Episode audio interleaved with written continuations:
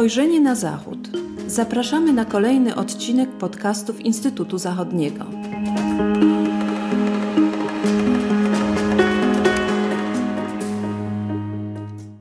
Dzień dobry, z tej strony Tomasz Morozowski. Witam Państwa w kolejnym odcinku podcastów Instytutu Zachodniego. E, dzisiaj z doktorem Piotrem Kubiakiem, kierownikiem zespołu Niemcy, Państwo, Społeczeństwo i Gospodarka w Instytucie Zachodnim, porozmawiam na temat zbliżających się wyborów do Bundestagu, które odbędą się już w niedzielę. Dzień dobry, Piotrze. Dzień dobry.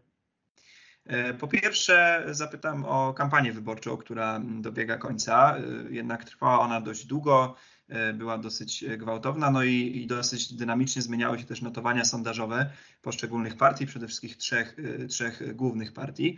Chciałem się Ciebie zapytać, jak Ty byś podsumował, jak byś ocenił całą tą kończącą się kampanię wyborczą? Tegoroczna kampania wyborcza do wyborów do Bundestagu mm, zdecydowanie różniła się od trzech poprzednich kampanii. E, wówczas, e, czyli w roku 2009, 2013 i 2017, praktycznie od początku znany był zwycięzca. Teraz, w czasie tej kampanii wyborczej, która tak naprawdę zaczęła się w cieniu pandemii, mm, notowania partii, e,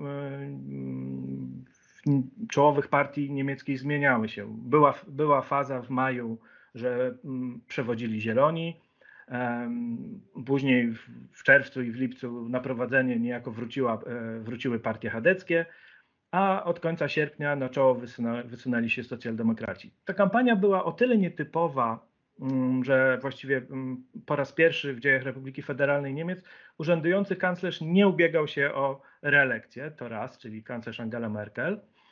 E, po drugie, mm, zwłaszcza w tej pierwszej fazie kampanii wyborczej, mm, czyli powiedzmy w tym okresie wakacyjnym, bardzo dużo mówiło się o samych kandydatach, o ich błędach, o ich potknięciach i te potknięcia niejako miały pewien wpływ na notowania tych partii. Najpierw e, kandydatka Zielonych, e, Annalena Baerbock, e, no, opublikowała książkę, w której okazało się, że zamieściła kilka nieautoryzowanych cytatów no i została tutaj oskarżona o plagiat. Okazało się, że mm, jakby niejako mm, w jej życiorysie doszukano się różnego rodzaju mm, pomyłek. E, później w, w połowie lipca w zachodnich Niemczech e, doszło do tragicznych skutkach powodzi. I no tutaj jakby podczas wizyty prezydenta Franka-Waltera Steinmeiera, mm, której, której w delegacji prezydenckiej towarzyszył kandydat CDU-CSU na kanclerza Armin Laschet, no, mm, podczas przemówienia, podczas wywiadu prezydenta o, Laschet w tle żartował, uśmiechał się e, z innymi członkami delegacji. To, to zachowanie, za które sam Laschet przeprosił, ono naprawdę odbiło się później na notowaniach jego i jakby od tego momentu, czyli od drugiej połowy lipca, ta, te notowania Hadecji, Hadecji zaczęły spadać. Uniknął tego, tych, tych błędów, tych pomyłek e, kandydat e, socjaldemokratów Olaf Scholz, który no, dla wybor, który jakby w tej kampanii wyborczej jakby no, tutaj sprawdza się jako taki lider, lider e, swojej partii. A więc ta kampania wyborcza właśnie z jednej strony mamy niestabilność, z drugiej strony mamy też Mm, jakby mm, wpadki czy też błędy kandydatów e, na kanclerza. To jest, to jest ta pierwsza część. A druga część, właściwie to jest ta, ta gorąca faza kampanii, która ma miejsce mm, właściwie teraz, a toczy się e, mniej więcej od, od końca sierpnia. I w czasie tej gorącej fazy kampanii e, doszło do trzech debat telewizyjnych czołowych kandydatów na kanclerza, podczas których jakby wymieniali się argumentami. I ta, i ta niejako kampania też jest dlatego tak nietypowa, że e, jest ona, ona toczy się przede wszystkim w mediach. Tak, to jest kampania medialna. Ci wyborcy e, widzą przede wszystkim, nie wiem, w, te, w, w telewizji, jak zachowują się ci kandydaci na kanclerza, Znacznie mniej ze względu na pandemię jednak było, było wieców wyborczych, czyli tych bezpośrednich kontaktów między, między kandydatami a, a mm, wyborcami. Czyli można zauważyć, że kampania tak naprawdę błędów i być może to, że, że Olaf Scholz tych błędów po prostu nie popełniał, to to daje tak dobre wyniki sondażowe socjaldemokratom obecnie. Po części tak, ale też warto zwrócić uwagę jednak e, na te kwestie programowe, bo jednak ta kampania, jeśli chodzi o programy e, partii politycznych, różni się od poprzednich tym, że właściwie wszystkie liczące się partie bardzo mocno stawiają na przyszłość, ale nie na tą najbliższą przyszłość, jak było wcześniej, ale spoglądają jakby w tą dalszą przyszłość. Chcą kształtować jakby Niemcy dla przyszłych pokoleń. Chodzi tutaj przede wszystkim o kwestię e, ochrony klimatu, walkę ze zmianami klimatu. I tutaj jakby taki najambitniejszy program mają e, Zieloni, Wtóruje im e, Die czyli ta lewicowa formacja, e, równie, ale również pozostałe partie SPD, e, partie chadeckie i FDP bardzo mocno akcentują właściwie konieczność tej dostosowania z jednej strony gospodarki do wyzwań związanych z ochroną klimatu i, i właściwie no, bardzo mocno te, te, te elementy są, są akcentowane. Więc takie takie mocne spoglądanie w przyszłość. Nie tylko w tą najbliższą, ale właśnie w kierunku tych, tych e, następnych pokoleń. To jest mhm. pewien skutek, ja bym powiedział, że to jest pewna taka konsekwencja wyborów do Parlamentu Europejskiego z roku 2019, kiedy e, Zieloni bardzo mocno zyskali, ale właśnie oni wtedy tę kampanię prowadzili jako niejako mm, właśnie pod hasłem przede wszystkim ochrony klimatu, że dotychczasowe władze robią za mało. I to jest jakby taka pewna reakcja. Zresztą nawet w Niemczech się mówi o tych obecnych wyborach jako mm, klimawalen, czyli wybory mm. takie klimatyczne, tak? Więc, więc, więc jakby te hasło ochrony klimatu jest jednym z ważniejszych jednym z ważniejszych e, jakby tematów kampanii. Mm -hmm. Czy takim motywem przewodnim, co może jest trochę pechowe dla Zielonych, że, że również te inne partie zaangażowały się trochę w tą, w tą taką licytację, można powiedzieć, tych polityk klimatycznych. Ja bym powiedział, że nawet pechowe po części tak, ale z drugiej strony te ambitne plany zielonych mm, budzą u części wyborców e, pewne obawy. To znaczy, nawet nie chodzi o to, że on, ci Niemcy generalnie oni chcą, chcą e, jakby mm, podjąć wszelkie działania, ażeby uchronić e, Niemcy, czy też następne, i, i następne pokolenia przed, przed negatywnymi skutkami zmian klimatu, tak, ale jednak obawiają się tych, tych ambitnych planów, obawiają się przede wszystkim kosztów. I tutaj w pewien sposób wkracza, wkracza ze swoim programem socjaldemokracja, która tak proponuje, proponuje odpowiedzi na e, zmiany klimatyczne, ale również mocno akcentuje te kwestie bezpieczeństwa socjalnego. Takie hasło sprawiedliwości społecznej. I zresztą nawet widziałem jeden z sondaży jakby z początku września, gdzie, gdzie, gdzie było pytanie, co decyduje o tym, że wyborcy mm, zagłosują na tą, a, a nie na inną partię.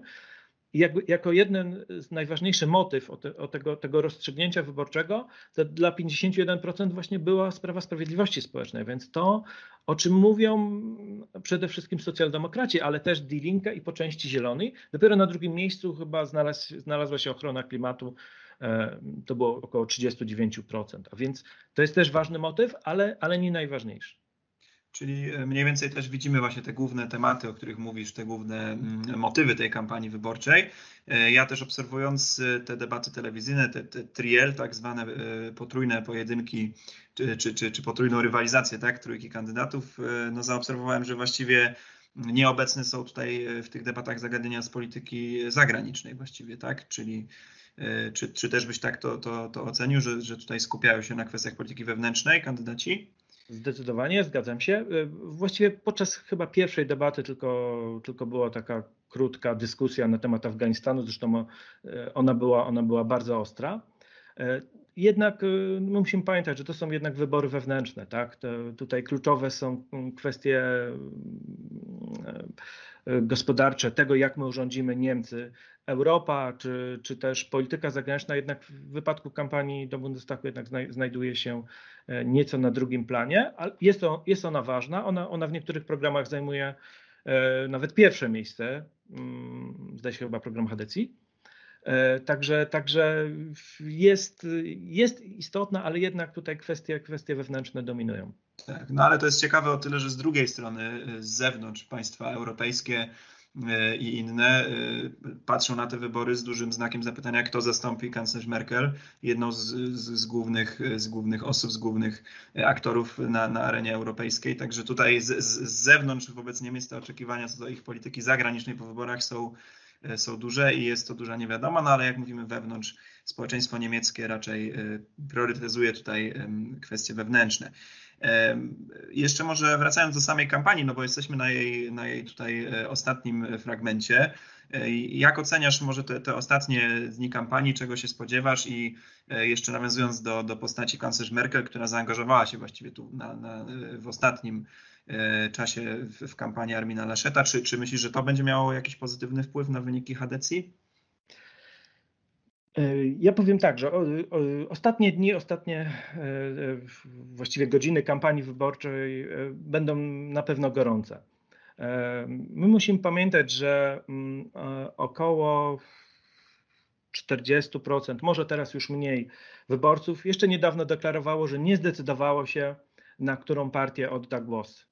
A więc o, o, te, o te głosy niezdecydowanych, niezdecydowanych, ale tych, którzy jednak pójdą na wybory, e, partie będą walczyły do końca. My musimy pamiętać, że jednak obecne sondaże mm, w tym momencie e, powiedzmy, mówię sondaże, przykładowo sondaż ośrodka Forsa, który przewiduje, że na SPD chce zagłosować 25%, na CDU-CSU 22%, na Zielonych 17%, ale na dalszych miejscach są, jest FDP i AfD, i AfD po 11%, a także Die Linke 6%. A więc e, widać, że przynajmniej o, o, o te pierwsze miejsce trwa cały czas rywalizacja, ale również o te miejsce czwarte pomiędzy FDP i AfD mm, nie wiadomo, która, która z tych sił politycznych e, wy, wysunie się na czoło. A więc jest jeszcze naprawdę spory tort do, do, do, do, do skonsumowania i, i spory fragment tortu i, i naprawdę jest o co walczyć. I to, że, to, że kanclerz Angela Merkel, która zresztą no, z wiadomych względów nie ukrywała, że wspiera e, kandydata CDU-CSU Armina Laszeta, mm, w, ostatnim, w ostatnich właściwie tygodniach kampanii zaangażowała się e, po jego stronie chociaż sama, jak wiadomo, nie będzie się ubiegać o, o nominację kanclerską. Czy to, e, czy, czy to pomoże?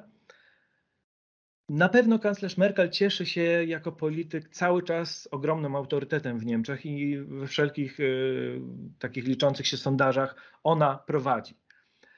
Problem polega na tym, że właściwie y, kandydat CDU-CSU na kanclerza Armin Laschet no, w tych sondażach wypada bardzo blado. E, także wynika to z, z faktu, że no, popełnił, popełnił w czasie tej kampanii e, kilka błędów.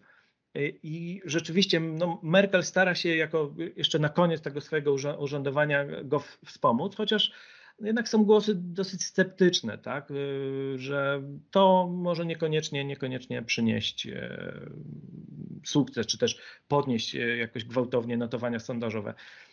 Ale trzeba pamiętać jedno. Mm, Merkel jednak chce sprawić wrażenie, że ona jest cały czas e, z tą partią. Podczas e, kilku ostatnich kampanii wyborczych, zwłaszcza w 2013 roku, też w 2009, na finiszu kampanii wyborczej, czyli właśnie ta obecność Merkel, która, która miała być tym kanclerzem, zadecydowała o tym, że właściwie ci chadecy jeszcze zyskali pod koniec. Na finiszu jeszcze zyskali głosy tych, tych niezdecydowanych, więc to jest jakby próba tego wsparcia, tego wzmocnienia Laszeta. Ale my musimy pamiętać, że teraz tak naprawdę e, w tej kampanii, na finiszu tej kampanii wyborczej, Wielu Niemców jest zdezorientowanych. Mówiliśmy, że jest około 40% niezdecydowanych, oni, oni tak naprawdę nie mają pewności, w jakim kierunku pójdą e, Niemcy po wyborach. Bo kiedy była Merkel, to ona była gwarantem pewnego, pewnego kierunku, który, który Niemcy obiorą.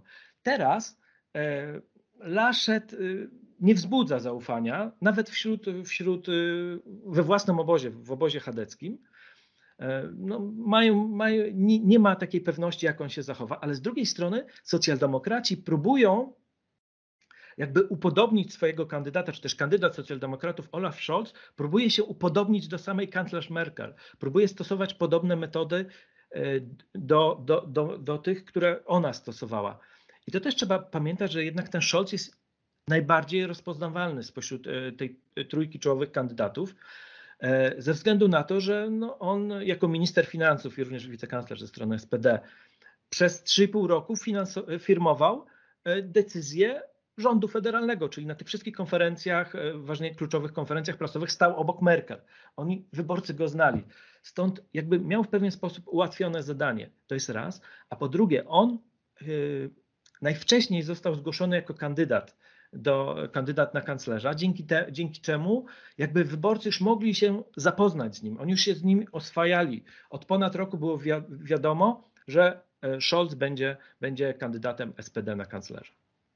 Czyli to ocenioną e, w Niemczech stabilność, przewidywalność chyba w największym stopniu zapewnia właśnie Olaf Scholz i być może e, sam fakt, że, że jest z innej partii niż kanclerz Merkel, dla niektórych wyborców nie będzie miał znaczenia, bo oni właśnie zdecydują się na te, na te cechy jego jako, jako lidera.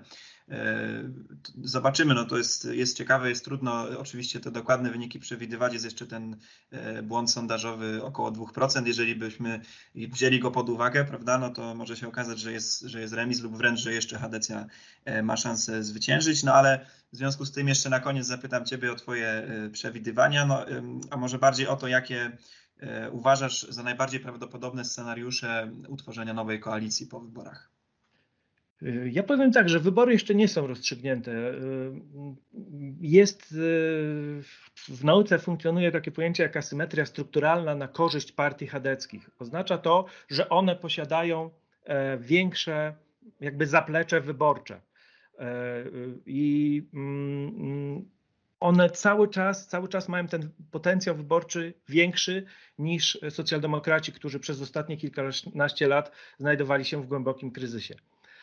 Z drugiej strony, y, ewentualne zwycięstwo Olafa Scholza i SPD może oznaczać y, znaczne przewartościowanie polityki niemieckiej. To znaczy, może, może y, uformować, być uformowana nowa koalicja. W chwili obecnej, jakby patrząc na wyniki sondaży, można, można niejako mm, przewidzieć sześć potencjalnych możliwych koalicji. Przy czym w pięciu z nich e, kandydatem na kanclerza byłby kanclerzem byłby Olaf Scholz, a tylko w jednej, w jednym wypadku, w wypadku koalicji jamańskiej, byłby Armin Laschet. Ale to jest, e, to jest jakby mm, koalicji jamańskiej, to znaczy koalicji CDU-CSU, Zieloni i liberałowie z FDP. Niemniej jednak e, my musimy pamiętać, że, że te wszystkie symulacje są robione na podstawie obecnych sondaży. Jeśli wygra, jeśli wygra CDU, to wtedy i CSU, to wtedy z wiadomych względów e, HDC będą mieli pierwszeństwo przy, przy formowaniu koalicji. A więc tak naprawdę gra idzie, która z tych formacji e, zwycięży. Mimo tego, mimo tego, że Zieloni, e, że Zieloni wcześniej przez pewien czas prowadzili w sondażach, to na chwilę obecną, na chwilę obecną wydaje się, że jednak nie będą w stanie zbudować tej koalicji. To znaczy oni nie, nie, nie zdobędą, Annalena Baerbock ich liderka nie będzie, nie będzie kanclerzem. No po prostu znaleźli się za bardzo w tyłu, z, ty, z tyłu w tym wyścigu o fotel kanclerski. A więc tak naprawdę y, oczywiście możliwa jest kontynuacja dotychczasowej wielkiej koalicji i to jest jedyne rozwiązanie na chwilę obecną złożone z dwóch partii, a więc e, z dwóch właściwie formacji politycznych, bo mamy z jednej strony Hadeków, czyli CDU i CSU, oraz z drugiej strony socjaldemokratów. Ale mówię, to jest jedno rozwiązanie i na chwilę obecną ta koalicja zmieniłaby się o tyle, że patrząc na wyniki sondażowe, tym kanclerzem byłby Scholz, a więc socjaldemokrata, a, a partia chadecka, e, chadeckie byłyby jakby tym słabszym e, partnerem. Ale obydwie formacje nie chcą już kontynuować współpracy, wolą inne rozwiązania. No zobaczymy, zobaczymy co, co z tego wyjdzie. Wszystkie pozostałe pięć możliwych koalicji, to są koalicje złożone z trzech partii. A wtedy na, rządzenie na przykład, może być o wiele trudniejsze. Tak, i na przykład mamy też tu tą, tą możliwość tej koalicji e, lewicowej, tak zwanej, tak, czyli, czyli SPD, e, Zieloni i Die przed którą można powiedzieć straszy trochę Laschet i CDU. Dokładnie, dokładnie, bo to jest też, też jedna, jedna, jeden z kroków zmierzających do tego, żeby jakby wzbudzić ten strach u tych centrowych wyborców, że ewentualne zwycięstwo SPD może oznaczać właśnie ten, ten lewicowy zwrot, tak. zwrot w lewo e, Niemiec po wyborach. I bardzo, bardzo dużą, dużą zmianę e, w związku z tym w Niemczech. E, zobaczymy już wybory do Bundestagu już, już w najbliższą niedzielę. Piotrze, dziękuję Ci bardzo za, za ciekawą rozmowę. Dziękuję. Państwu bardzo dziękuję za uwagę. Zapraszamy do śledzenia naszych stron internetowych i do słuchania kolejnych podcastów Instytutu Zachodniego. Do usłyszenia. Do widzenia.